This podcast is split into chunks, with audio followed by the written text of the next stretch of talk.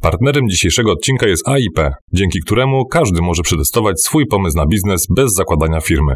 Więc idealne rozwiązanie dla wszystkich przedsiębiorców z wyboru. Więcej na ten temat możecie dowiedzieć się na stronie www.inkubatory.pl. Przedsiębiorcy z wyboru. Podcast dla naznaczonych biznesem. Porady, studium przypadków, nowinki, analizy, dyskusje, rozmowy, opinie. Dzień dobry, witamy Was wszystkich w trzecim odcinku podcastu Przedsiębiorcy z wyboru i witam Was ja, Paweł Badura. Piotr Łysko, Mateusz Majk, Mariusz Malicki, Michał Kucharski. Justyna Łapaj-Kucharska. No właśnie, i dzisiejszym, w dzisiejszym odcinku mamy gościa. Mamy gościa, bo nie tylko jest nasze zacne grono pięciu wspaniałych prowadzących, ale na szczęście mamy pierwiastek żeński i mam nadzieję, że będzie nas dyscyplinował. I zanim oddamy głos Justynie, powiemy czym się zajmuje, to ja chciałem już taką zajawkę zrobić troszkę o tym, czym, co Justyna robi na co dzień, bo ja dzisiaj mam wielkiego stresa e, podczas prowadzenia tego podcastu, bo tutaj Michał niekiedy nas poprawiał, jeśli chodzi o poprawność właśnie języka polskiego. No ale dzisiaj mamy nadworną naszą podcastową gramarnazji, czyli Justynę, więc Justyno, może powiedz słuchaczom, czym się zajmujesz i co robisz? Grammar Nazi to może nie aż tak, ale y, rzeczywiście mam firmę Łapaj Teksty Kreacja Słowa, y, która zajmuje się copywritingiem i poniekąd też content marketingiem, ale to jest y, powiedzmy pojęcie trochę szersze. Ja myślę, że o tym będziemy mówić dzisiaj też. Wiesz, że masz błąd w nazwie? No właśnie, też miałem powiedzieć, bo niby takie, wiesz, copywriting, że grammar nazi, już tak zrobiłem, a ty masz łapaj. Łap się mówi. A, ale to jest błąd zamierzony. A, tak, przewrotnie. Przewrotnie. A czy to przypadkiem nie są nazwiska? No właśnie tak jest. Sherlocku. Dobrze. To kto by może. Gość już nam się przedstawił? Gościuwa. Gościuwa, dobrze, okej. O to żeńskich formach też możemy potem porozmawiać. To jest dużo kontrowersji z tym związanych, czy gość, gościuwa, y, kucharz, kucharka, Marynarz, marynarka. taboret, kierowca, taboretka. kierownica, tak, tak. Okej, dobrze. Także karuzela już nabiera coraz większego rozpędu, ale to może dobrze. To do, do ciebie przyjdziemy już za chwilkę jeszcze, bo będziemy mieli okazję. Natomiast kto z drogich panów współprowadzących chciałby podzielić się informacją i, i zacząć pierwszy temat? Przedsiębiorcy z wyboru. Podcast dla naznaczonych biznesem. Nie wiem, czy e, słyszeliście, ale e, jedno z ministerstw, na razie trwa kłótnia z tego, co widziałem, które będzie chciało wprowadzić coś takiego jak test przedsiębiorcy. Nie, To jakieś takie testy DNA, że na przykład czy się nadajesz, czy nie nadajesz? Tak, to, musisz nasikać na patyczek i wtedy wychodzi, czy jesteś przedsiębiorcą, czy nie. Wiesz co, ja myślałem, czy to nie, na przykład nie będzie badanie krwi i potem wyjdziesz, masz przedsiębiorczość we krwi, czy jednak nie. Ale, ale to chyba nie o to chodzi. E, Zresztą przygotowując się dzisiejszego, do dzisiejszego programu, e, dzisiaj rano przeczytałem, że Teresa, e, nie, nie, nie Teresa Czerwińska, tylko minister przedsiębiorczości i technologii Jadwiga Emilewicz powiedziała, test przedsiębiorcy to nie jest nasz pomysł. Będziemy dopiero o tym rozmawiać z panią minister e, Teresą Czerwińską. E, Otóż o co chodzi w samym teście przedsiębiorcy? Test przedsiębiorcy y, polega na tym, y, czy będzie polegał, ma polegać na tym, aby określić, kto rzeczywiście jest przedsiębiorcą, a kto tylko korzysta z preferencyjnego opodatkowania. To znaczy, y, nie będzie przedsiębiorcą ten, który wystawia fakturę tylko na rzecz jednego podmiotu, czyli de facto jakby był zatrudniony przez jeden podmiot na zasadzie B2B. E, ponieważ nie, nie ponosi żadnego ryzyka gospodarczego, e, no i tam był szereg innych, sz- szereg argumentacji. Natomiast no, sam pomysł, sama idea mnie e, o tyle śmieszy, że prawdopodobnie znając, znając e, dotychczasowe e, posunięcia aparatów skarbowych czy Ministerstwa Finansów, to ten test będzie układany przez ludzi, którzy mieliby problem, żeby wypełnić test ośmiolatka. No ale dobra, czy, czy sześciolatka, który w wieku, jakim wieku się zdaje test? No nieważne, ale pewnie mieliby z tym problem. E, Niemniej też to, co mi, to, co mi e, przychodzi do głowy, to e, na przykład, nie wiem, czy wypełnialiście kiedyś wniosek o wizę do Stanów Zjednoczonych. Tam jest taka rubryka, taki kwadracik, czy jesteś terrorystą? Tak, nie. tak, nie, tak. Nie wiem. E, No i teraz chciałbym, chciał, chciałbym zobaczyć twarz kogoś, kto kiedyś zaznaczył tak i dalej oczekiwał, że dostanie wizę. I teraz zastanawiam się, czy ten test przedsiębiorcy nie będzie polegał na tym, że on dwie rubryki. Jesteś przedsiębiorcą? Znak zapytania. Tak? Nie. No i tak ktoś zaznacza na przykład nie. wysyła to do Ministerstwa Finansów i tam pani Grażyna, już pozdrawiam wszystkie pani Grażyny, już musiałem wymyślić jakieś imię na szybko.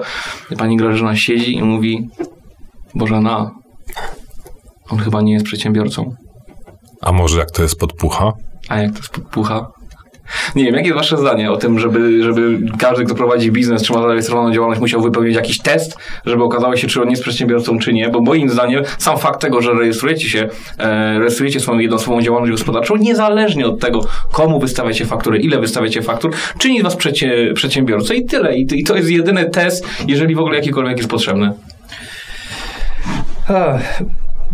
Pierwsza rzecz, to nie do końca bym się zgodził z tym, że e, jeżeli dana osoba ma tylko jednego klienta, jakkolwiek to nazwiemy, któremu wystawia co miesiąc faktura, mm, to że jest dużo niższe ryzyko. No bo umówmy się, no jest chyba największy z możliwych ryzyk, tak? No bo albo tego klienta stracimy i za co będziemy dalej rozwijać firmę, za co będziemy żyć, a patrząc też na przepisy, e, w zupełnie inny sposób nas e, jako przedsiębiorców chroni współpraca e, z innym podmiotem, bo tak naprawdę nie ma wypowiedzenia trzymiesięcznego umowy i tak dalej, chyba że to gdzieś tam sobie ustalimy. Natomiast jeżeli jest tylko wystawienie samych faktur, no to możemy wystawić fakturę, no i to będzie nasza ostatnia faktura i co dalej. Także tego typu argument moim zdaniem no, do mnie nie przemawia i tu chyba pokazuje wprost, że mm, osoba, która powiedziała te słowa, chyba nigdy w życiu nie prowadziła biznesu, więc warto się nad tym trochę dogłębniej zastanowić. A ja się jeszcze dodatkowo zastanawiam, mm, jakie będą tego konsekwencje, że ktoś nie będzie nazwany przedsiębiorcą. Bo mm, Tu chodzi o przede wszystkim o podatek liniowy. E, Jeżeli ta osoba będzie, nie będzie uznana za przedsiębiorcę, mimo że ma jednoosobową działalność gospodarczą i wystawia fakturę tylko na rzecz jednego podmiotu, nie będzie uprawniona do, e, do rozliczania się w, w formie podatku liniowego. Czyli od, razu wskakuje na progresję. E, no, Tak naprawdę dziwnym trafem e, e, pomysł ten, zresztą nawet e, w, którejś z, e, w którymś uzasadnień widniało wzrost przyszłych, przyszłych obciążeń Skarbu Państwa. No trzeba szukać, trzeba szukać kasy, ale no, czy, czy, czy znowu ciężar musi być przerzucony na małych przedsiębiorców? No de facto mali i średni przedsiębiorcy to zdaje się około 90 paru procent wszystkich przedsiębiorców w Polsce. I znowu kolejny ruch i znowu kolejne obciążenie kierowane jest nie w stronę dużych przedsiębiorców, tylko w stronę małych przedsiębiorców. Znowu ten cały ciężar jest, jest, jest kierowany w tę stronę, w stronę tych, które jak żeśmy w e, poprzednich programach e, rozmawiali, ani nie mogą protestować, tylko po prostu no, kolejne obciążenie, trudno, to nie będzie liniówka, to będzie progresja. Tylko pytanie, czy to znowu nie jest e, przerost formy nad treścią, ponieważ no, już teraz są przepisy, które mówią jasno, że jeżeli osoba zatrudniona na umowę o pracę przykładowo przejdzie na współpracę B2B, no to już tej liniówki nie może korzystać. To jest jakby jedna kwestia. Druga od razu wskakuje na wysoki ZUS. Więc jeżeli dana osoba faktycznie prowadzi działalność gospodarczą i nawet z, jedną, z jednym podmiotem się rozlicza, no to powinna być traktowana jako przedsiębiorca, bo ona może pozyskać wcześniej czy później kogoś innego, tak? Tak, i tutaj też jest e, zupełnie inna kwestia e, dotycząca nierejestrowanej działalności gospodarczej.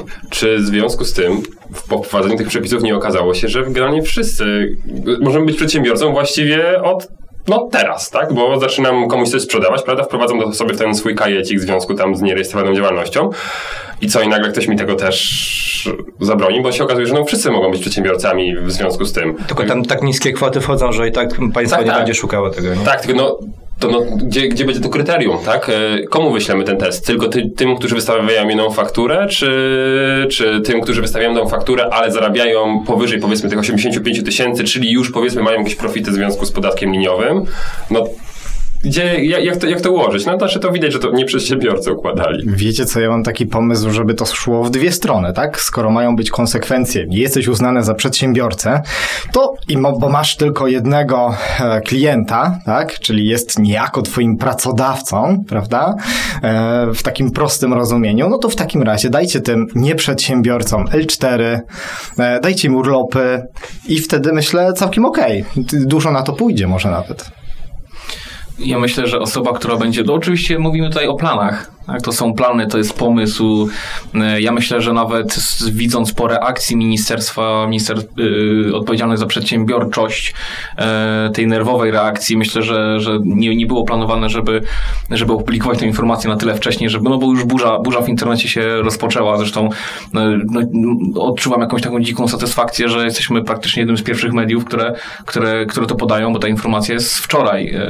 Yy, z dzisiaj rana dopiero jest to dementi ministerstwo i minister odpowiedzialny za przedsiębiorczość. Natomiast wydaje mi się, Albo może inaczej, obawiam się, że osoba, która, która będzie podejmować finalnie decyzję odnośnie tego, jak to ma wyglądać, w jakiej czy, czy w ogóle wprowadzać taki test przedsiębiorcy, w jakiej formie go wprowadzać, myślę, że y, tak jak ja była fanem y, Carlosa Ruisa Safona, nie wiem, czy czytaliście Cień Wiatru, tam był taki cytat, niech ich piekło pochłonie albo urząd skarbowy. Przedsiębiorcy z wyboru. Podcast dla naznaczonych biznesem. Dobra, to ja jeszcze a propos tego mm, testu przedsiębiorców i tak dalej, to i, i czy ktoś jest pracownikiem, czy nie jest pracownikiem, to ja mam taką, takiego newsa związanego z tym, że IBM, czyli taka duża, dosyć znana firma technologiczna w swoich biurach w Stanach Zjednoczonych wdrożyła model sztucznej inteligencji, która analizuje zachowania pracowników, bardzo różne pod względem wszystkiego tego, co może być śledzone u pracownika i w, z bardzo dużym, 95% prawdopodobieństwem przewiduje, czy ten pracownik ma ochotę się zwolnić i zmienić pracę, czy też nie. Więc to pierwsze, co mnie zaciekawiło, to właśnie ten wysoki współczynnik e, prawdopodobieństwa i skuteczności.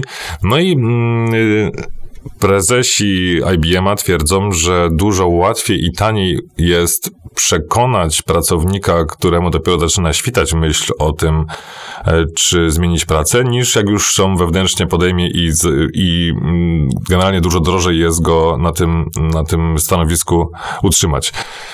I chciałbym teraz przejść, zanim jeszcze Wam oddam głos, do tego, że czytałem takie podsumowanie, jak bardzo pracownicy w Stanach Zjednoczonych są głęboko w lesie w porównaniu do tych pracowników, którzy pracują właśnie na terenie na przykład Unii Europejskiej, choćby w Polsce.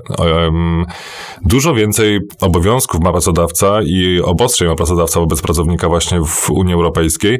Co więcej, również w branży technologicznej w, w firmie mm, Blizzard Activision albo Activision Blizzard, to jest taki inside joke dla, dla tych, którzy interesują się e, branżą gier postanowiono, że wszystkie kobiety w ciąży, które albo planują, albo są w tej ciąży nawet na samym początku, dostaną jednego dolara za dzień pracy dodatkowo, jeśli pozwolą na dodatkowe monitorowanie swojego zdrowia przez pracodawcę. Co więcej, kilka firm również zdecydowało się na to i jakby wymuszali troszkę podpisywanie zgód przez pracowników na udostępnianie z, um, zapisów z opasek takich Fitbit zdrowotnych e, i monitorowali swoich pracowników pod względem tego, czy odpowiednio się dużo wysypiają, czy odpowiednio dużo ruchu zażywają.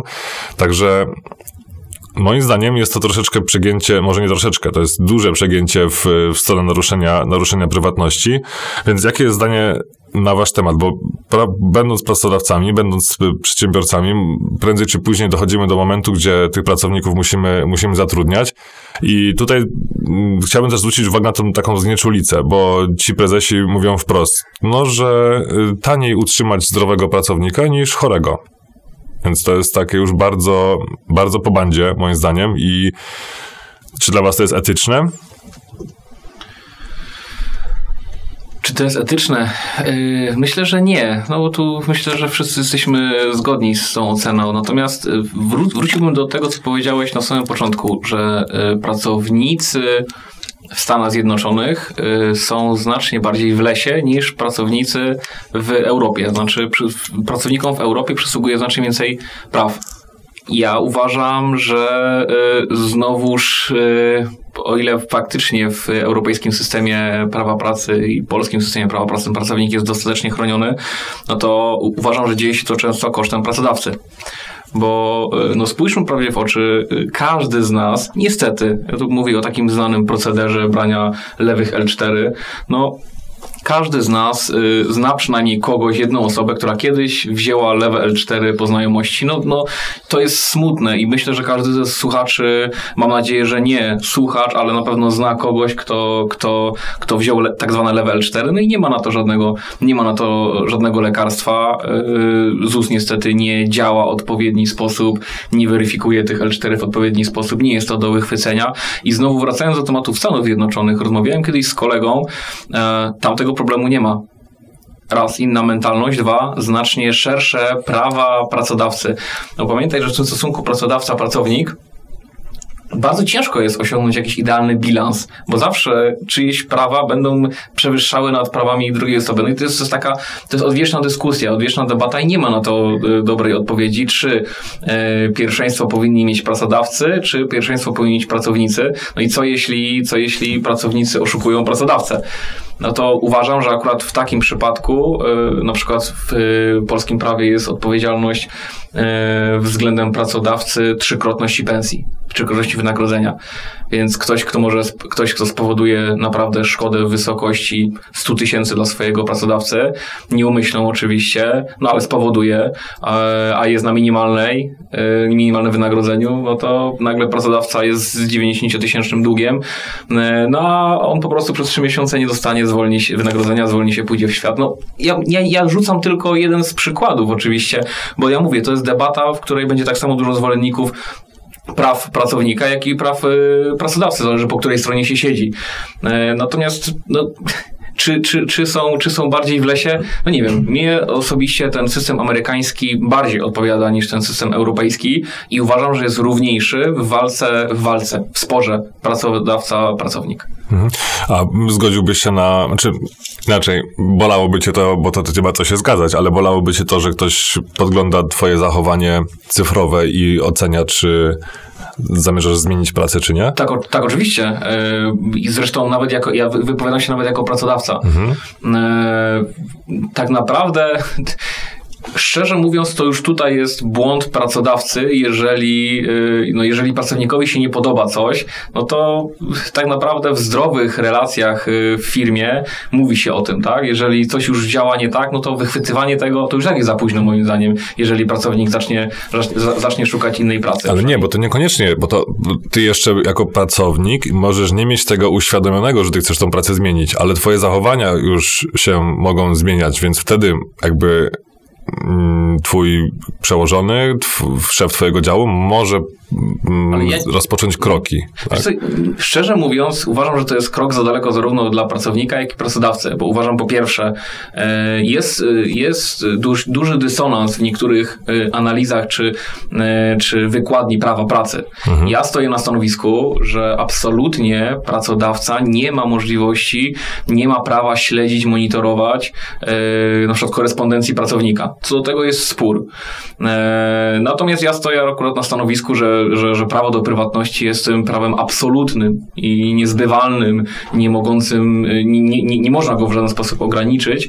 E, I, I tu szczerze mówiąc, i jako pracodawca, i jako były pracownik, bo też pracowałem, szczerze mówiąc, nie chciałbym, ani ja nie chciałbym śledzić czegoś takiego, e, ani, ani, ani nie chciałbym, żeby mnie śledzono. No okej, okay, ale mówisz o korespondencji firmowej ze skrzynki w nie, no, domenie? Nie, nie, nie. Często, często pracownik ma na przykład jedną skrzynkę i tam jest i korespondencja firmowa, i korespondencja y, prywatna, no to... No to jest pro, problem pracownika już, tak? Na tej to zasadzie. problem pracownika. No, ja się zdarzyłem, zdarzyło mi się dla jednej z firm konfigurować monitoring poczty, żeby wyłapywały i przesyłało wszystkie a wiadomości zawierające CV, a, albo wyraz CV, albo CV.doc, docx, PDF, cokolwiek, na jedną wspólną skrzynkę i naprawdę nie wyobraźcie sobie, jak dużo pracowników wysyła CV do innych firm ze swoich y, publicznych pracowniczych skrzynek. Także to...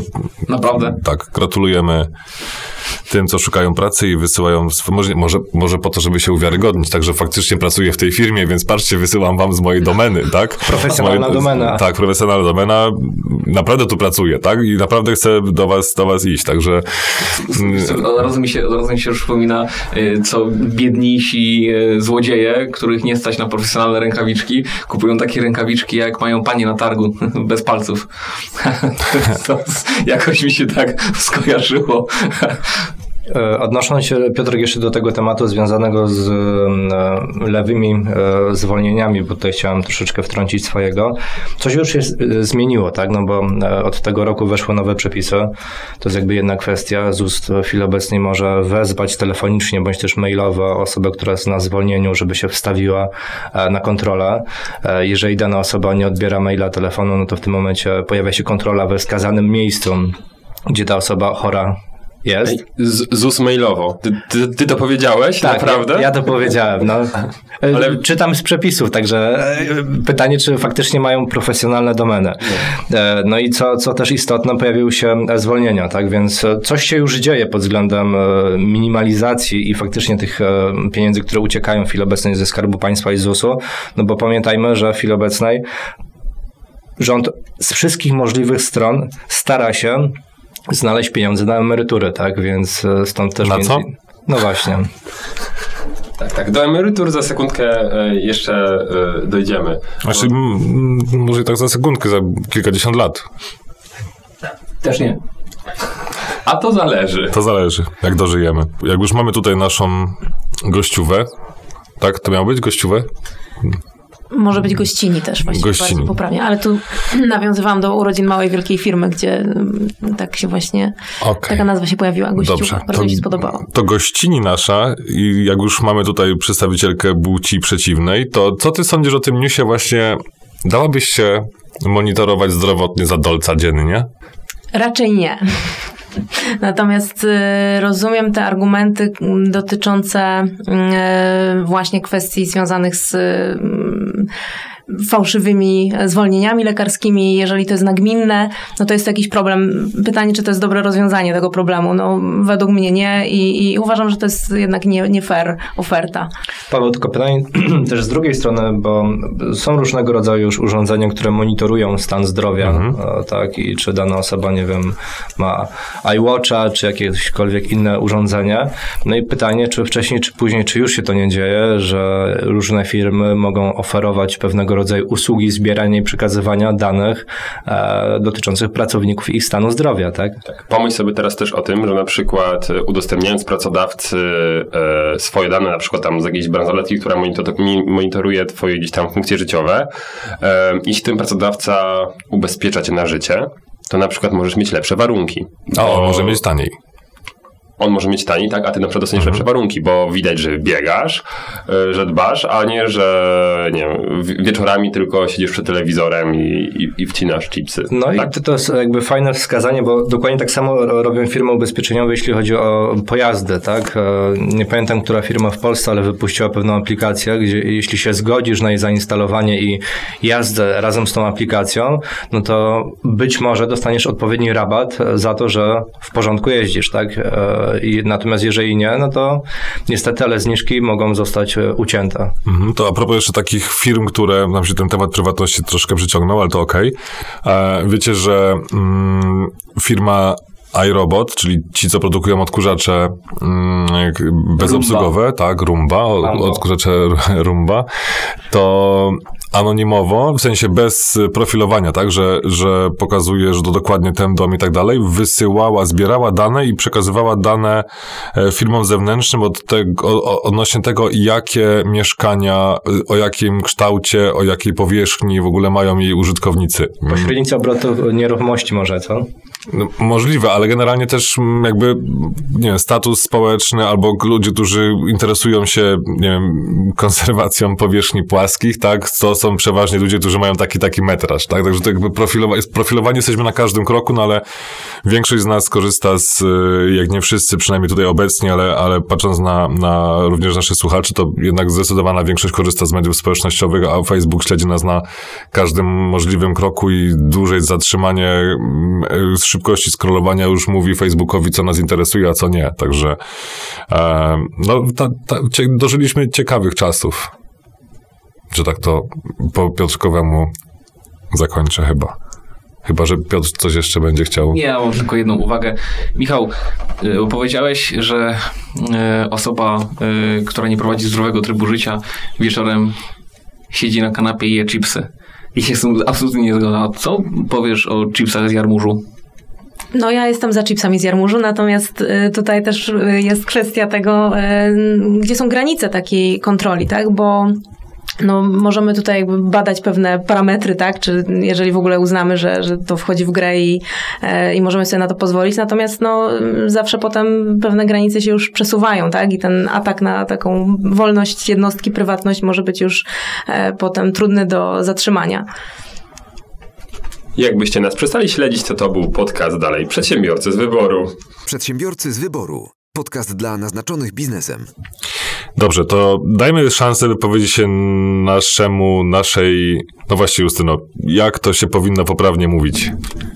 Gość, gościuwa, gościni, to są jakieś poprawne formy, pewnie są bardziej- poprawne i mniej poprawne, więc wyjaśnij nam tą sytuację. Ja bym dołączył się tutaj do pytania, e, pytania branżowego. E, pytanie, czy skoro jest pan adwokat i do tej spory tak naprawdę spotykałem się najczęściej z tym, że jest również pani adwokat, to czy zasadnym jest roszczenie e, niektórych koleżanek z e, po fachu i aby mówić pani adwokatka. E, No to jest kwestia w ogóle dotycząca właśnie używania żeńskich e, form nazw zawodów. To mm, często kojarzymy to z e, takim feminizmem rozumianym w taki czy inny sposób. Natomiast tak naprawdę to ma niewiele z tym wspólnego, tak? Znaczy to jest kwestia pewnej poprawności językowej. Znaczy ja jestem bardziej, gdybym miała się tutaj osobiście opowiedzieć za którąś formą, e, którą ja bym preferowała, to raczej jest używanie tych żeńskich form, ale to nie ze względu właśnie na e, jakieś feministyczne em, aspekty, tylko e, to, jest, to są formy, które w języku polskim w historii były kiedyś używane i w okresie międzywojennym używaliśmy normalnie tych form. Nasi bracia Czesi Słowacy też e, używają form e, żeńskich, więc e, no to jest kwestia bardziej językowa niż taka ideologiczna, tak, związana z czystym feminizmem. Natomiast absolutnie nie ma czegoś takiego jak bardziej czy mniej poprawna forma w tym kontekście, tak? Znaczy, jeżeli ktoś preferuje być panią adwokatem, a nie adwokatką, to nie ma z tym problemu, tak? To też się zaczyna zmieniać dzisiaj, że rzeczywiście coraz częściej podkreślamy mm, te, te kwestie e, żeńskiej formy, natomiast nie ma tutaj takich sztywnych reguł. Bardzo fajnie o tym mówi też Paulina Mikuła z e, kanału Mówiąc Inaczej. Polecam e, serdecznie ten kanał, bo, bo świetnie opowiada w ogóle o języku i ta kwestia form językowych też tutaj jest poruszona. Przedsiębiorcy z wyboru. Podcast dla naznaczonych biznesem. To skoro mamy już takiego gościa jak Justyna, to mm, przejdźmy może jednak do kwestii biznesow- biznesowych. Mariusz, przed chwilą Justyna powiedziała, że jej osobiście bardziej odpowiada forma żeńska. Przepraszam. Taką gościówę jak Justyna, Dziękuję. e, ziomalkę. To w takim razie przejdźmy jednak do kwestii biznesowych, e, ponieważ e, poprawność językowa to jedno, ale mnie na przykład najbardziej ciekawi mm, marketing w tym wypadku. Marketing taki słowny, czyli e, coś, co znamy szerzej jako content marketing, ponieważ wiecie, mam takie wrażenie, że żyjemy w takich czasach, w których tych form marketingu jest bardzo dużo dostępnych, różnych, bardzo ciekawych, natomiast nadal otaczają nas głównie takie, wiecie, chamskie reklamy. Nie mówię takie jak z poprzedniego naszego podcastu, prawda, Poczty Polskiej. Piękna nasza która brzmiała jak e, reklamy e, z lat osie, no, 90. powiedzmy. Ale była skuteczna. Tak, no przecież sam chwaliłem. Natomiast e, chodzi mi o to, że mm, dostajemy cały czas jakieś e, przekazy marketingowe, reklamowe, tak? Nie wiem, otwieramy skrzynkę na listy, no to tam jakieś ulotki. Pytanie, czy pamiętacie, jaką ostatnią ulotkę wyciągnęliście w ogóle e, ze swojej skrzynki? A jeżeli pamiętacie, to czy pamiętacie dokładnie, co reklamowała, nie? Nawet jeżeli pamiętacie brand. Z drugiej strony, czy e, też łapiecie się na tym, podobnie jak ja, że jak idziecie drogą, oglądacie, wiecie, jakieś billboardy e, i widzicie, co na nich jest, ale tak naprawdę nie macie pojęcia, co one reklamują. Mam wrażenie, że taka tradycyjna forma reklamy mm, już do nas nie trafia. Dlaczego? Dlatego, że się na nią uodporniliśmy. W tym sensie, że dociera do naszego mózgu tyle komunikatów, że on jest zmuszony do wybierania tego, co jest faktycznie dla nas e, interesujące i ciekawe. No i z drugiej strony jeszcze e, mamy teraz dostęp do Facebooka, do social mediów, do e, no, całej sieci internet e, i no, tam jest dużo treści, których, z których my wybieramy te, które są interesujące. No i tutaj właśnie jakby zmierzam do tego samego content marketingu. Justyna, jakbyś mogła e, zacząć ten wątek. Czy tak samo jak ja uważasz, że content marketing jest znacznie bardziej skuteczny od tradycyjnej formy reklamy i dlaczego? E, wiesz co, zgadzam się z Tobą, że mm, e, ogólnie mm, internet jest dzisiaj właściwie zalany e, ogromną ilością treści, tak? To wynika z tego, że właśnie tworzyć dzisiaj każdy może i rozpowszechniać te treści, tak? Na różne sposoby, czy to w formie pisanej, czy w formie mm, webinarów, czy w formie konferencji, nagrywania filmów na YouTubie, tak? Każdy może rozpowszechniać taką treść, jaka mu się podoba. Natomiast to powoduje, że no właśnie, pytanie, czy pisać i tworzyć każdy może, tak? Parafrazując piosenkę. E, bo mam wrażenie, że rzeczywiście jesteśmy no, zalani bardzo dużą ilością takiej słabej jakości e, treści, e, czy też reklam z takimi no, hasłami, które bardziej przypominają takie krzyczenie osła ze Szreka, tak? Wybierz mnie, wybierz mnie. I zapominamy o tym, że to nie chodzi o to, żeby głośniej krzyczeć, tylko żeby raczej przekierować swoją uwagę na konkretnego odbiorcę, tak? Czyli żeby wyobrazić sobie, że my nie mówimy do jakiejś niezidentyfikowanej masy e, ludzi, tylko do konkretnego człowieka z konkretną mm, potrzebą czy z konkretnym problemem, bardziej czy mniej e, uświadomionym, e, ale wtedy ta retoryka będzie zupełnie inna, kiedy mamy poczucie, że zwracamy się do konkretnej osoby. A jeżeli chodzi o, y, o sam content y, marketing, czy jest on y, bardziej skuteczny? No właśnie tutaj kwestia tego, jak rozumiemy content marketing. Ja go utożsamiam z czymś jednak głębszym, właśnie z takim odwołaniem się do takich bardziej nieuświadomionych potrzeb odbiorców czy, czy potencjalnych klientów, ale to potem chciałabym też jeszcze nawiązać właśnie do takiej kwestii pewnych aspektów psychologicznych, które też w copywritingu czy w ogóle w sprzedaży są potrzebne. Okej, okay, dzięki. E, wiecie co, ja bym, ja bym może przedstawił taki przykład przykład, który e, często przedstawiam na e, różnych szkoleniach, pokazując różnicę pomiędzy takim standardowym marketingiem a content marketingiem, e, który wydaje mi się doskonale obrazuje jego skuteczność. Ciekaw jestem, jak wy to odbierzecie, więc fajnie było, jakbyście się też na ten temat wypowiedzieli. Mm, wyobraźmy sobie, że zakładamy sklep rowerowy z takim serwisem rowerowym ogólnie, tak? Czyli będziemy nie tylko sprzedawać rowery, ale tak, także je naprawiać, konserwować i tak dalej. Z jednej strony możemy zrobić tradycyjną reklamę, reklamę, czyli wrzucamy na Face'a zdjęcie e, jakiegoś pomieszczenia, w którym mamy te wszystkie rowery naszego sklepu i piszemy po prostu coś na zasadzie patrzcie, taki mam nowy sklep, e, świetny, zapraszam, e, możecie tutaj kupić rower, możecie e, serwisować i tak dalej. Z drugiej strony mogę wrzucić na YouTube'a film, e, w którym pokażę ludziom, w jaki sposób zakonserwować rower na zimę tak? E, I teraz tak, na pewno łatwiej będzie zapamiętać kogoś, kto mi pokazał, jak ten rower konserwować, prawda, niż krzyczał, patrz, jaki ja mam fajny sklep rowerowy. E, no, no, jasne, e, na pewno dużo prościej będzie skutecznie być zapamiętany w momencie, kiedy damy komuś coś, tak? Pewnego rodzaju e, nie, coś nie oczekując jednocześnie niczego w zamian, tak? Czyli pomożemy drugiej stronie. Bardzo dużo przedsiębiorców, z którymi się spotykam na co dzień, boi się tego typu działań, tak? Dlaczego? Ponieważ boją się, że zbyt dużo dadzą potencjalnie klientom, budując oczywiście z nimi relacje, jednocześnie e, no, na nich nie zarabiając. Tak? I to jest duże zagrożenie, z którymi się przedsiębiorcy zawsze spotykają i no, boją się podjąć tej decyzji, żeby nie przehalować na jedną i na drugą stronę. No i właśnie tutaj masz 100% racji, ale trzeba sobie zdać sprawę z jednej rzeczy, mianowicie mm, oczywiście będzie jakaś grupa ludzi, którzy zobaczy ten film i będą mogli zakonserwować sobie ten rower na zimę, tak? Bez, bez mojej pomocy, czyli teoretycznie tracę klientów. Ale teraz tak, po pierwsze, oni w ogóle nie wiedzieli, że ja istnieję e, i się dowiedzieli. E, po drugie, zaczynam im się dobrze kojarzyć, bo im w czymś pomogłem.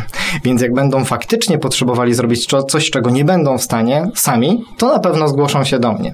Po trzecie, tak, pytanie, ilu z nich zobaczy ten filmik i powie, trzeba w ogóle konserwować rower na zimę? I to jest tyle roboty? Gdzie ten koleś ma ten sklep? Mhm. Mm, Mariusz, tutaj ja bym powiedział, to zależy. I to zależy, jaka to będzie grupa docelowa.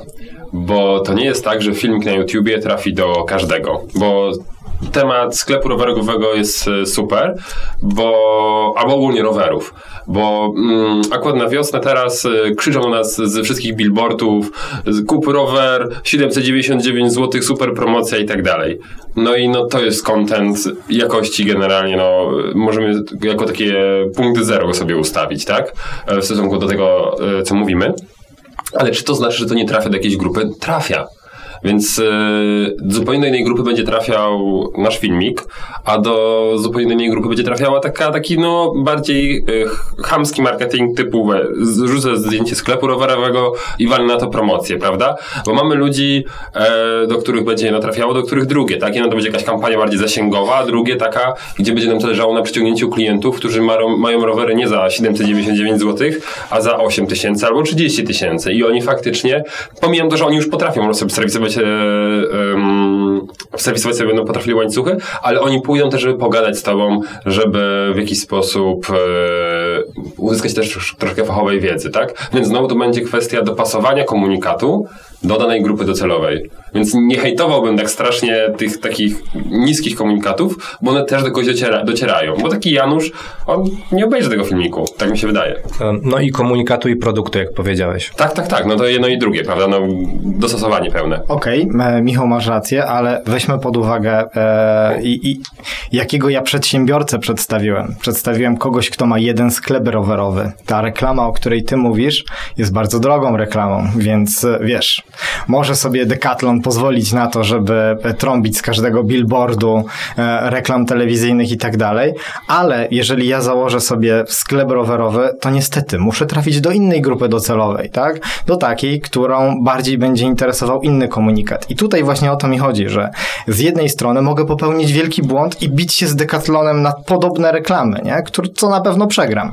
Z drugiej jednak strony mogę dać content, czego oni nie zrobią, bo nie mają na to czasu, bo mają kasę na to, żeby robić prostą reklamę. No i tym się właśnie wyróżniają mali przedsiębiorcy. Te jakością, której korpo bardzo długo nie będą w stanie jeszcze dać. Jakością też i możliwością budowania bliższej relacji z klientem, bo takie wielkie sieciówki też takiej relacji bezpośredniej, bliskiej, długotrwałej też często no, nie zbudują, albo będzie to trudniejsze, tak, niż w takim momencie zapraszania potencjalnego klienta na zaplecze, tak, e, czyli niejako pokazywanie mu od kuchni, tak, naszej pracy.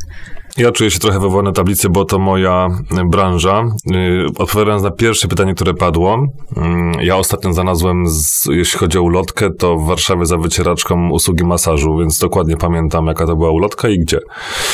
E, natomiast sądzę, że tutaj nastąpiło mega duże spłycenie we wszystkich tych naszych wypowiedziach, co się, co się pojawiły. Michał trochę mm, jakby poszedł tą stroną, którą, którą ja też będę szedł, bo nawet e, tak, teraz możesz się pocieszyć. Jest, jest, jest. E, bo mając ten, trzeba mieć tego przykładu sklepu rowerowego, tak? tak? Mówię, że ktoś robi content, wrzuca go na YouTube'a. Jak sobie ktokolwiek e, w średniej wielkości mieście wrzuci content na YouTube'a, to ten content na YouTube po prostu sobie tam będzie i będą e, i tak i tak wymagane środki finansowe, żeby ten content wypromować i tak dalej, bo YouTube nie ocenia tego, że algorytm mówi, ło, jaki fajny filmik z serwisu łańcucha przed na zimę i tak dalej. Także to jest i tak i tak bardzo dużym problemem. Chciałem poruszyć dwie, dwie kwestie. Dużym problemem jest e, w Polsce przy małych i średnich, przy mikro i małych e, przedsiębiorstwach jest to, że ktoś już decyduje się na działania reklamowe. Te reklamowe działania są ok jakości, natomiast mm, żyjemy w takich czasach, że żadna żadne działania, które nie są podbite postami sponsorowanymi w social media, czy Google Ads, czy cokolwiek, mamy, musimy mieć naprawdę bardzo dobry, wiralowy content, żeby to się rozeszło, żeby to ludzie inni, inni zobaczyli, bo to jest najczęstszy problem, z którym my się spotykamy. Ludzie wiedzą, jak powinna wyglądać ich reklama, mają te środki na reklamę, ale brakuje już tych, tej, tej kasy na, na te działania faktycznie płatne, żeby te zasięgi nie opierały się tylko i wyłącznie na działaniach organicznych. I drugi problem jest y, taki, że jest to klątwa piękna, klątwa ładności, klątwa dobrej reklamy. Jak patrzymy statystycznie na to, co się ludziom podoba, to niestety, e, czy stety, stety, niestety, mm, najczęściej działają treści niekoniecznie ładne, niekoniecznie mm, przemyślane. Często są treści tworzone, nie wiem, nawet na farcie, cokolwiek. Nam się też zdarzają w, w agencji, że to są klienci lokalni, którzy mówią, że okej, okay, faktycznie chcemy tą reklamę zrobić w taki, taki sposób i mówi, że mają być pomarańczowe litery na różowym tle albo cokolwiek, żeby było odblaskowe, żeby było dobrze widoczne, tak? Także widać, że coraz więcej miast walczy z taką, z taką estetyką. Natomiast takie jest poczucie gustu jednak w większości. I jak sobie zobaczymy, jak działają reklamy w nawet dużych firm, e, kierowane są do masówki, tak? Czyli zobaczmy sobie na markety, na, na promocję właśnie tych rowerów, tak za 799 zł no tam nie ma kunsztu reklamowego pod względem graficznym na przykład. Także też musimy mieć to, musimy mieć to na uwadze i mm, wskazówka do wszystkich, pa, róbmy sobie proste testy AB. Teraz większość na, narzędzi marketingowych pozwala na testowanie y, AB i, tutaj dobrym przykładem też jest y, to, co robi mm, Michał Sadowski, cały Brand24. Michał to mm, został wywołany tutaj dlatego, że on się dzieli tymi informacjami, że zmiana, nawet minimalna zmiana formularza rejestracyjnego albo skrócenie kroku o jeden przy przy, rejestracji albo przy zapisie na, na konto kursowe, e, powoduje wzrosty naprawdę w, na, na skali kilkudziesięciu tysięcy na przykład użytkowników. Powinno być testowane i mój apel jest taki, że nie patrzmy tylko przez pryzmat tego, co nam się podoba, bo nam się może podobać zupełnie co innego niż naszym odbiorcom. Ja jeszcze sobie pozwolę wrócić do Mariusza, bo mnie zainspirowałeś bardzo mocno. Eee, bo ten filmik na YouTubie to jest super przykład, ale nie dla, moim zdaniem znowu nie dla jednego sklepu. Bo ten filmik na YouTubie trafi na całą Polskę, na cały świat. A ten konkretny sklep lokalny, on potrzebuje się reklamować w swojej miejscowości i tam powiedzmy w promieniu 30 km dookoła niej. Oczywiście da się tak targetować reklamę, tylko pytanie, czy ten właściciel ma kompetencje żeby tak to na umieć robić. No ojejku, ale za chwilę hejt pójdzie. Ehm, to... Nie ma, nie ma i powiedzmy sobie to wprost, nie ma tych, tych kompetencji Prawda? i czas, który może poświęcić na to, żeby te kompetencje nabyć, mm, powinien moim zdaniem przeznaczyć na inne działania, a... Różowe litery no może nie na różowe litery, tak, ale może na konsultację albo rozmowę z kimś z, z branży, tak, na tej zasadzie. Okej, okay, to ja mo może tylko wyjaśnię e, tą kwestię YouTube'a, tak? E, bardziej mi chodziło m, mm, jednak o m, mm, zamieszczenie linka po prostu do YouTube'a na Facebooku. No pewnie, pewnie się domyślacie. To też tak nie róbmy, zróbmy nie już, tak. to zróbmy wideo już na w obrębie Facebooka, bo wtedy będziemy mieć jeszcze mniejsze zasięgi, jeśli wrzucimy link do YouTube'a na, na Face'a. Tak, Facebook pacyfikuje tego typu działania.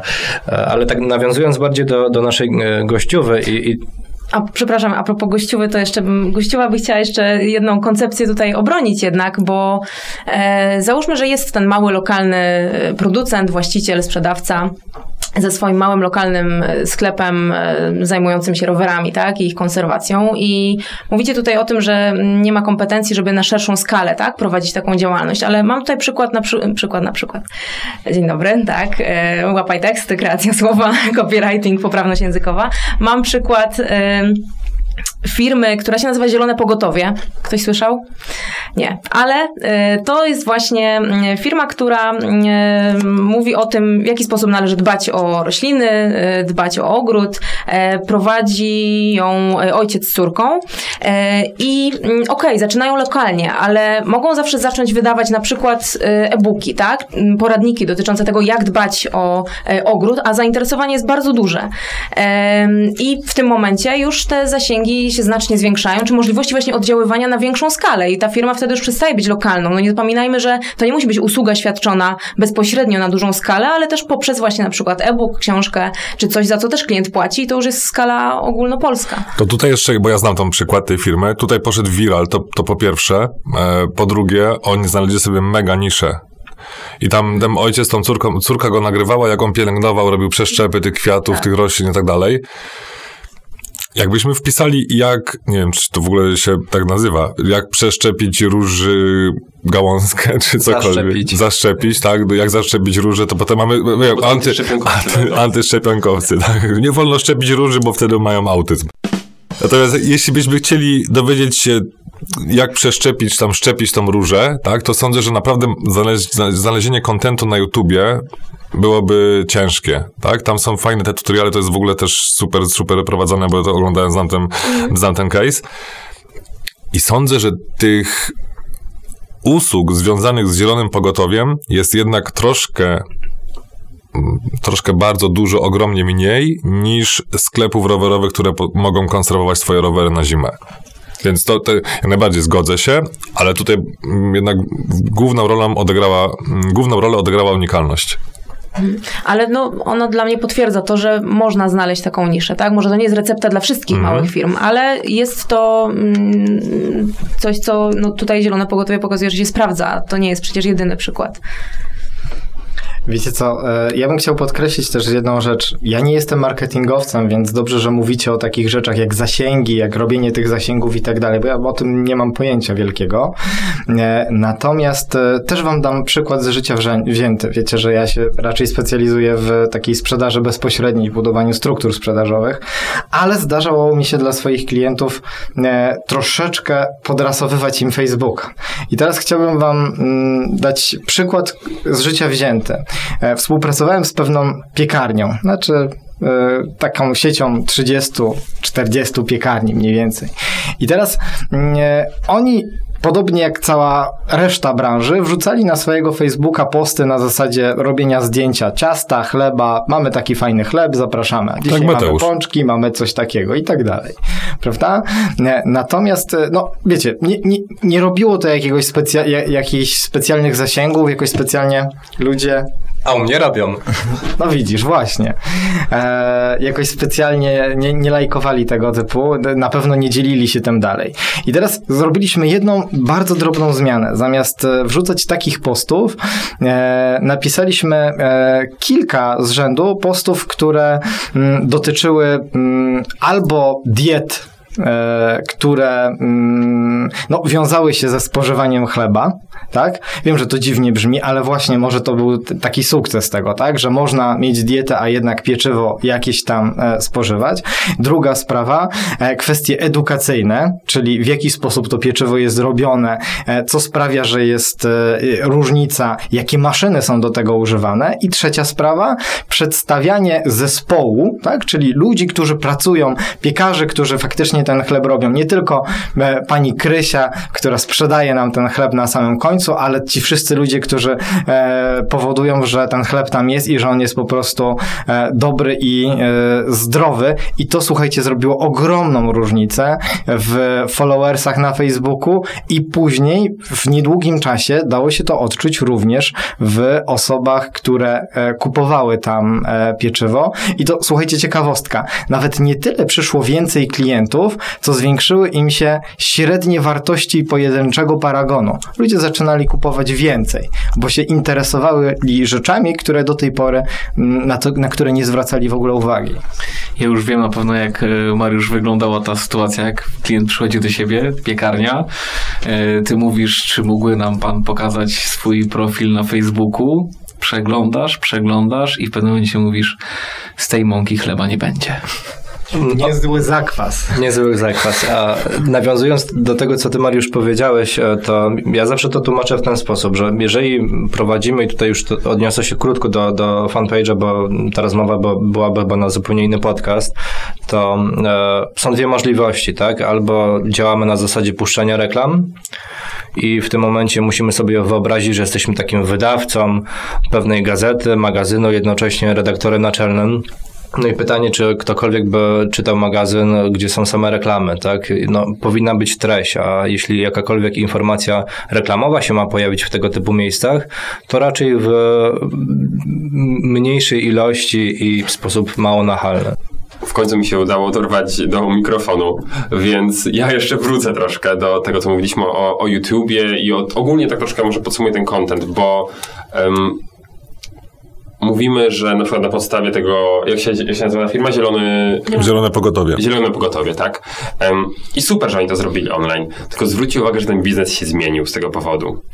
Że musimy sobie zadać zawsze pytanie, i to jest coś, co mm, co często wielu przedsiębiorców nie robi, tak? Z, mm, czy zmiana marketingu nie zmieni naszej firmy? Może ja dalej chciałem mieć lokalny sklep i w tym wypadku e, super, że mi wypali YouTube i tak dalej, tylko no, może to już nie będzie mi sprawiało tej samej frajdy, co serwisowanie łańcuchów. Czy jestem na to gotowy, nie? Tak, dokładnie. Czy, czy to jest to, co ja chcę robić, tak? Y, Bo s- mogę mieć genialny sklep y, online, będę ludziom doradzał, wysyłał, robił poradniki, będą mnie zapraszać i tak dalej. Tylko, że to już nie będzie mój biznes, bo no, nie będę miał kontaktu z tymi łańcuchami, które tak lubiłem serwisować. Więc miejmy jeszcze tego świadomość. Oczywiście mówimy o takim przypadku, gdy te nasze działania odniosą, odniosą sukces, prawda? I nam się nagle pojawi efekt skali i tak dalej. Tylko, że no, warto o tym pamiętać, tak? Żeby te działania faktycznie były spójne z tym, jaki my chcemy prowadzić biznes. Znam przykłady ludzi, którzy odchodzą z etatu i ich oczekiwania są, nawet finansowe, są niższe niż te, które osiągali na etacie, ale są u siebie i tak dalej, i tak dalej. I oni nigdy nie pomyślą o tym, żeby w ogóle skalować swój biznes cokolwiek. Im wystarczy tyle, co mają, co, albo co mieli, nawet troszkę mniej, ale są u siebie, tak? I są panami swojego czasu. Dokładnie, dokładnie. Wiecie, czego będą bali się antyszczepionkowcy po naszym programie dzisiejszym? Różyczki. Dobrze, to skoro już e, temat tego content marketingu e, z każdej strony e, w sumie poruszyliśmy, już od strony zasięgów, od strony mm, tego, na, co, na co uważać, ale bardziej od kwestii takich, powiedziałbym, technicznych, gdzie to wrzucać i tak dalej. A ja bym był ciekaw, Justyna, mm, co byś radziła osobom, które mm, no, małym przedsiębiorcom, umówmy się, które chcą zacząć robić swój content, tak? Bo wiadomo, każdy przedsiębiorca mm, ma pewną wartość do, do przekazania, no bo zna się na tym, co robi, przynajmniej z założenia powinien. E, I teraz co zrobić, e, żeby ten content był wartościowy, prawda? Z jednej strony i z drugiej strony no, czego nie robić przede wszystkim, e, żeby tego nie spalić. Przedsiębiorcom, którzy, a nie które. Dzięki mi, dzięki Mateusz. E, I nie Justyna, tylko Justyno. Tak, to prawda. A ty, Pawle, jak już jesteśmy przy błędach, powiedziałeś odnośnie czegoś, mówimy odnośnie do czegoś. Mariuszu. Dziękuję za to pytanie, bo ja mam bardzo ciekawą odpowiedź na nie. Ale może nawiązując do tego, co powiedziałeś, że z założenia przedsiębiorca powinien wiedzieć, czym się zajmuje. Miałam kiedyś bardzo ciekawe zlecenie dotyczące przygotowania tekstu e, na stronę e, firmy, która zajmuje się toczeniem CNC e, i obróbką materiałów metodą CNC. I miałam napisać dla nich tekst o nas. No, problem polegał na tym, że kiedy poprosiłam o jakiekolwiek informacje dotyczące działalności firmy, historii, czy, czy jakiejś wartości, e, w oparciu o które mogłabym zbudować tekst, to padła odpowiedź, że, że- żebyśmy coś wymyśliły, bo, e, bo, bo to jest nowa firma i oni właściwie jeszcze nie wiedzą, jakie mają wartości. To tak a propos tego, na ile, e, na ile rzeczywiście przedsiębiorcy wiedzą, tak?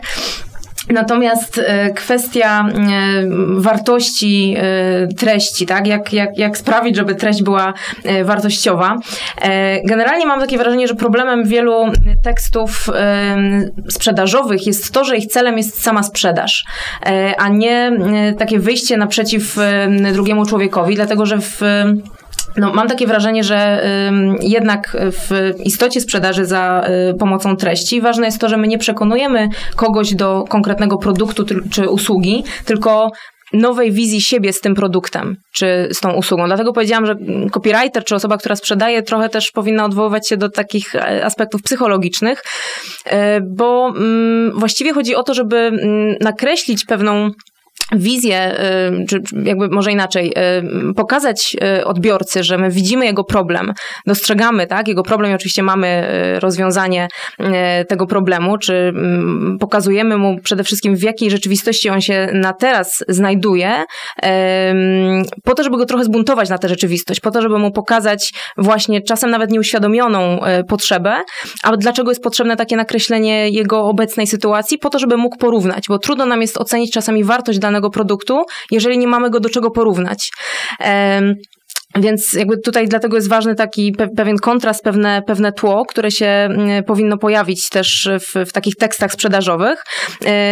I to jest też często taki właśnie błąd awatara, tak, że my tutaj sobie określamy naszego odbiorcę, tak, kobieta 45 lat, y, mieszka tu i tu, pracuje tu i tu.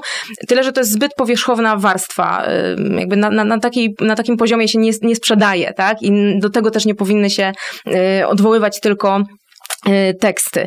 Em, To, czego mi często brakuje, przeglądając różne strony internetowe, też miałam ostatnio taką e, sytuację, przygotowując teksty na stronę e, kancelarii prawnej w e, Warszawie i pod tym kątem e, przeglądałam różne też strony różnych kancelarii E, i problem też jest ze spójnością, tak, bo jak ja wchodzę na stronę kancelarii prawnej, a ona w tle ma zboże, e, zboże o zachodzie słońca, zboże o wschodzie słońca, e, pole. A to jest e, Piotrka chyba kancelaria, tak mamy kojarzę, że oni tam właśnie mają... nie, nie, Nie, nie. akurat inna, aczkolwiek tutaj do, do tej konkretnej też miałem A to nie. Piotrek ma róże.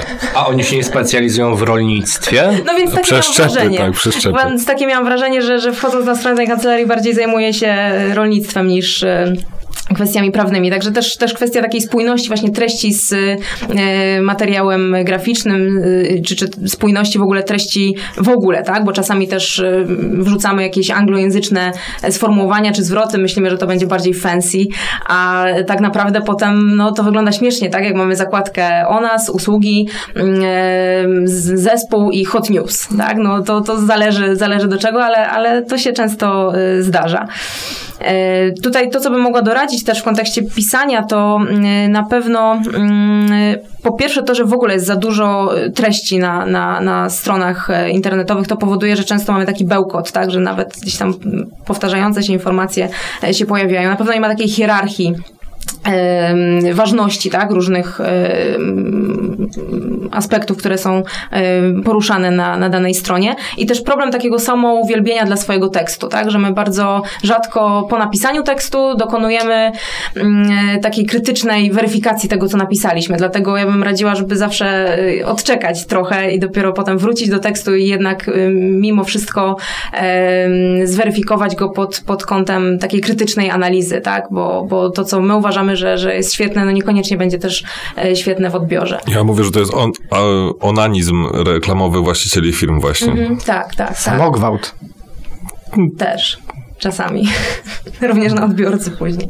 Tylko wiecie co, jeśli chodzi o jeszcze o ten temat o nas i, i pisania e, różnego rodzaju mądrych treści e, o firmach, to ja już się spotkałem z takim podejściem, że no, nie piszemy litanii, nie piszemy jak to, to było, jak mój dziadek pod bitwą pod Grunwaldem uruchomił tą firmę i tak dalej, no bo po co, tak? Nikogo to w żaden sposób nie interesuje. Dokładnie. Poka- pokażmy to, co mówiłaś, te wartości tej firmy, e, jakie, jakie cele ma i, i w czym może nam pomóc, a nie, że e, będziemy wpisywać konkretne daty i, i zmiany, które nie wpływają w żaden sposób na to, w jaki sposób firma jest postrzegana.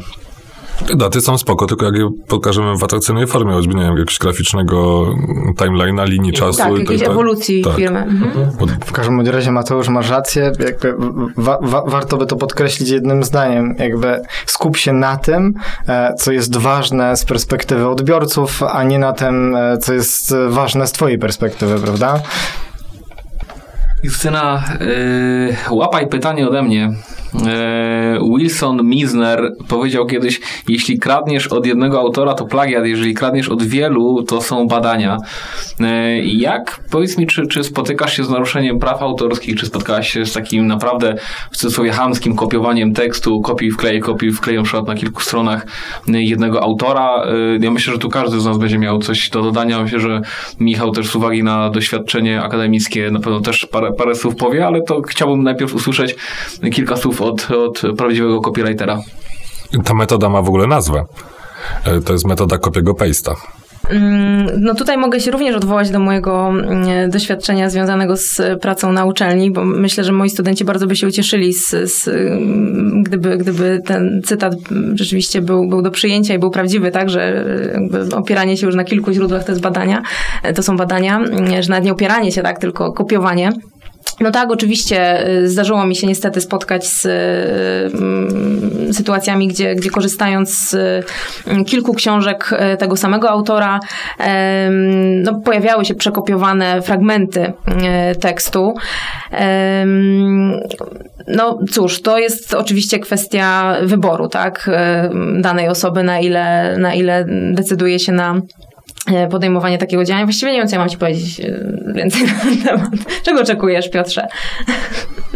To ja pozwolę sobie wciąć się, bo mam świetną e, anegdotę, historię, bo em, też e, zdarza mi się prowadzić zajęcia na uczelni i moi studenci, gdy szykowali z kolei prezentację na jakiś temat, wiem, to był dress code.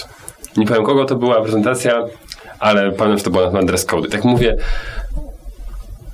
Oddam zdjęcia, wiadomo, że są zaciągnięte z internetu, no ale to miałem nadzieję, że przynajmniej na samym końcu pojawią się źródła, że tam Google, Źródło internet. tak, źródło internet. I mówię, no dobra, ale przynajmniej mają, mają świadomość, że trzeba coś takiego zrobić. Ale jak patrzę na te teksty, które są w tej prezentacji, nie będziemy teraz w to wchodzić, czy tam to była dobrze zrobiona prezentacja. I tak, tak czułem, że albo ta osoba się bardzo przyłożyła, albo to skopiowała. I tak zacząłem wpisywać na komputerze te teksty, które były na prezentacji i żywcem były kopiowane z artykułu.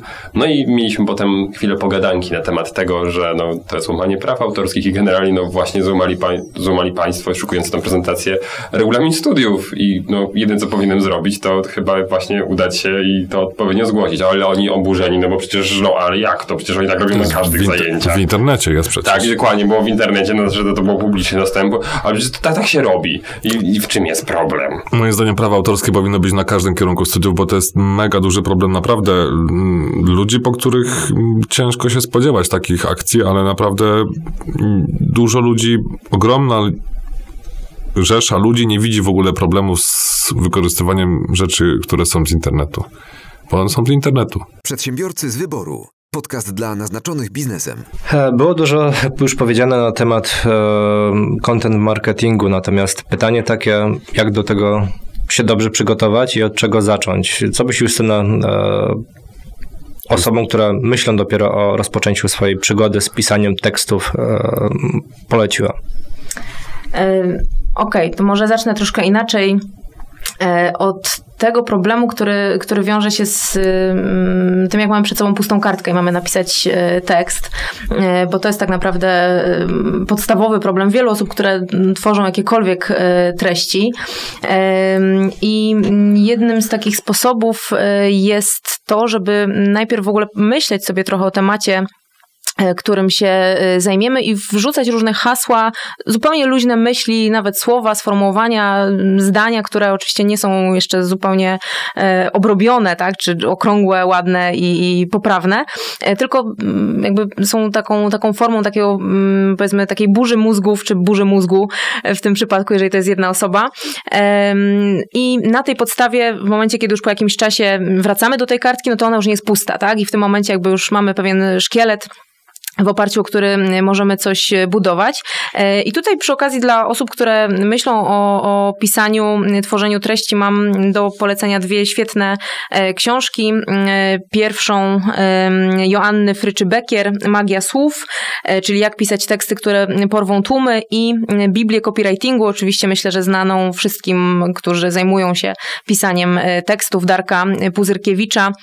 Świetne książki, które w taki niestandardowy sposób em, mówią o e, pisaniu, właśnie odwołując się nie tylko do samych e, takich sztywnych reguł, tylko właśnie też z takim głębszym e, podejściem psychologicznym związanym z wchodzeniem w buty klienta e, i, i ukazywaniem takiej wartości, e, która, która ma szansę wyróżnić się w, na tle całej lawiny różnych tekstów o, o, o wątpliwej jakości. Czyli tak parafrazując w przypadku rysowania, zacznij od pierwszej kreski. Coś w tym stylu. To Justyna uważasz o takiej metodzie, że... I to, to jak ja piszę teksty, więc, e, więc też e, opiszę to, jak ja do tego podchodzę. A nie sugeruj odpowiedzi. A to może mi powie właśnie, że źle piszę. Zobaczymy. Że ja sobie zadaję pytania. Po co ta osoba ma czytać ten tekst? I sobie tak prawie czasami piszę to pytanie, tak? Co, co ja chcę osiągnąć w wyniku tego pisania tekstu? I generalnie moje teksty bardzo często mm, są w takiej formie Q&A, tak?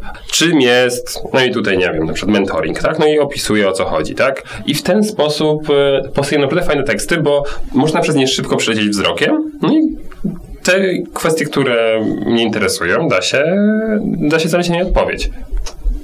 Mhm. Tak, to jest bardzo fajny y, sposób.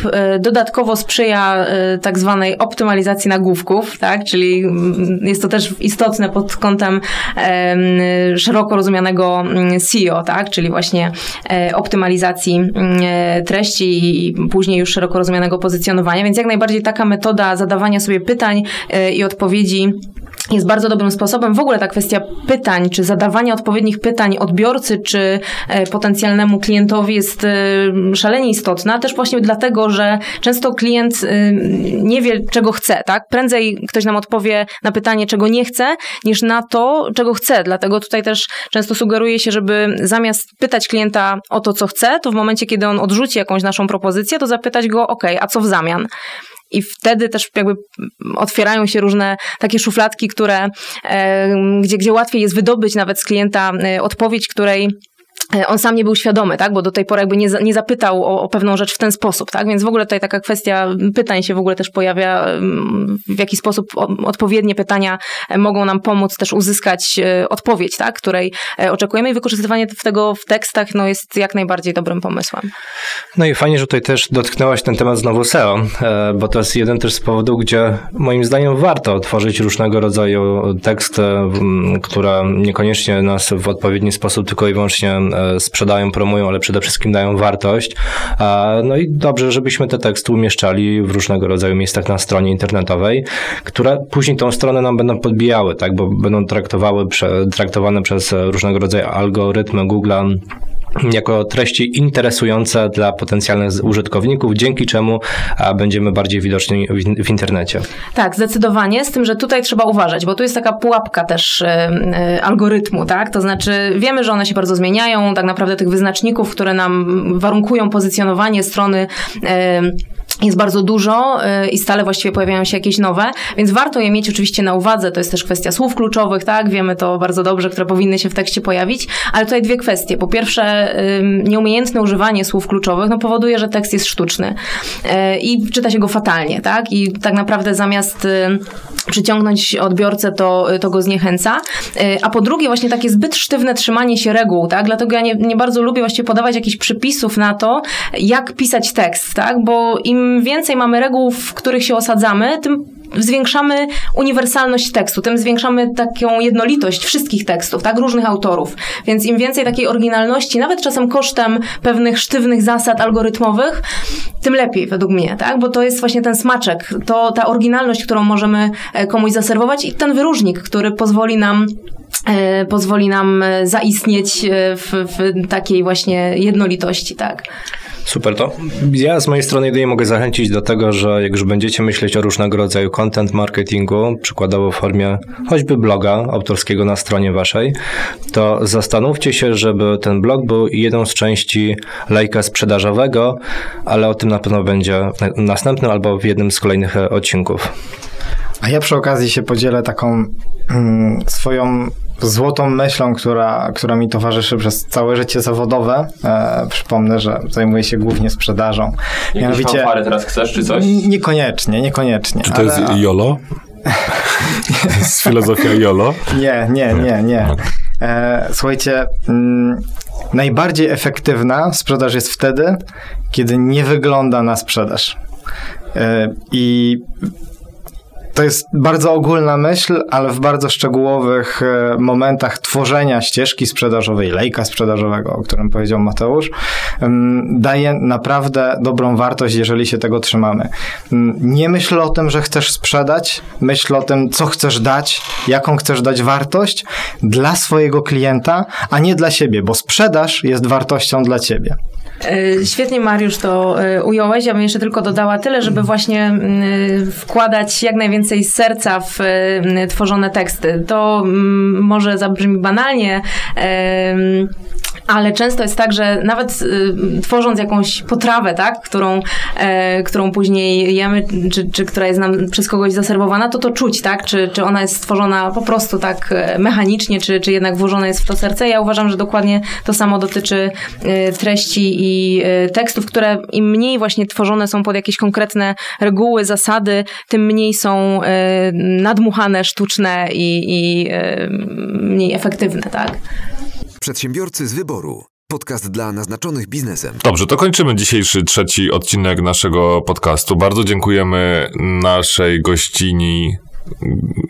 Tak, dobrze? Dobrze, bardzo dobrze. Dziękujemy Ci zatem, Justyno, za uczestnictwo w naszej karuzeli biznesowej. Mam nadzieję, że dobawiłaś się równie dobrze jak my. Świetnie się bawiłam. Znaczy, na pewno się nie bawisz tak dobrze jak my, bo my bawimy się tym podcastem najlepiej, ale mam, mam nadzieję, że bawiłaś się prawie równo tak jak my.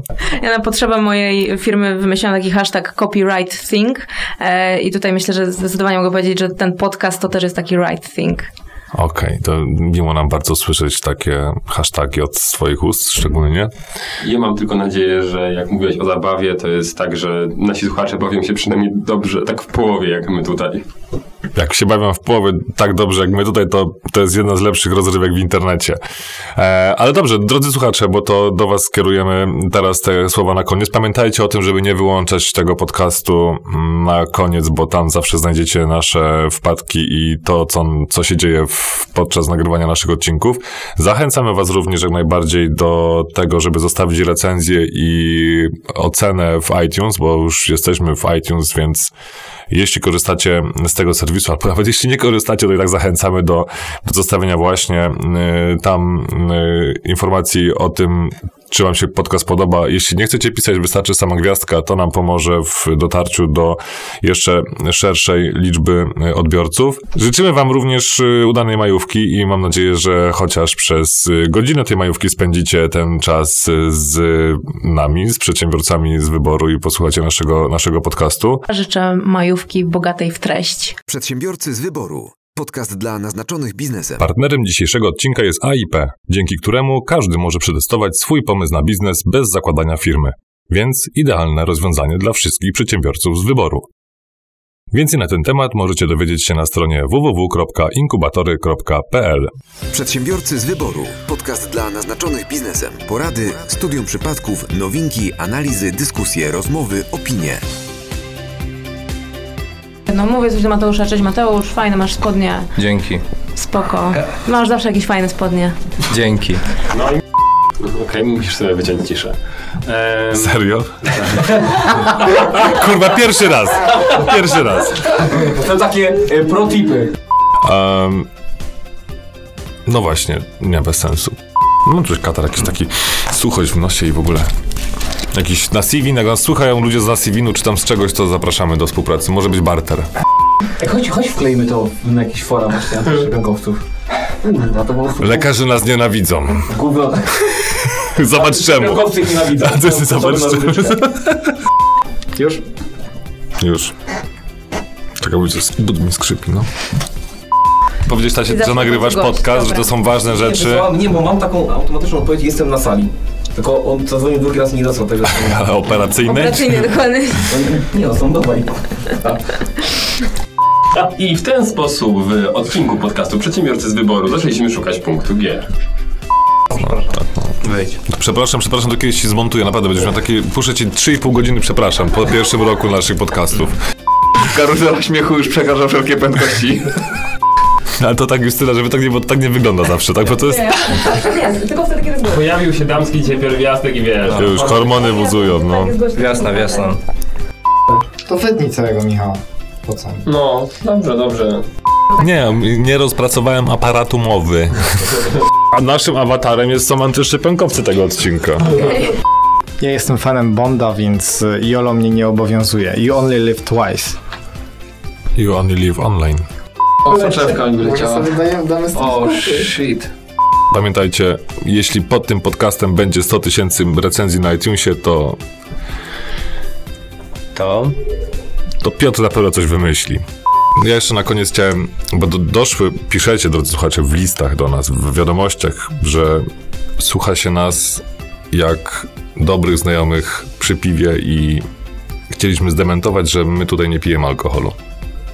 Jeszcze.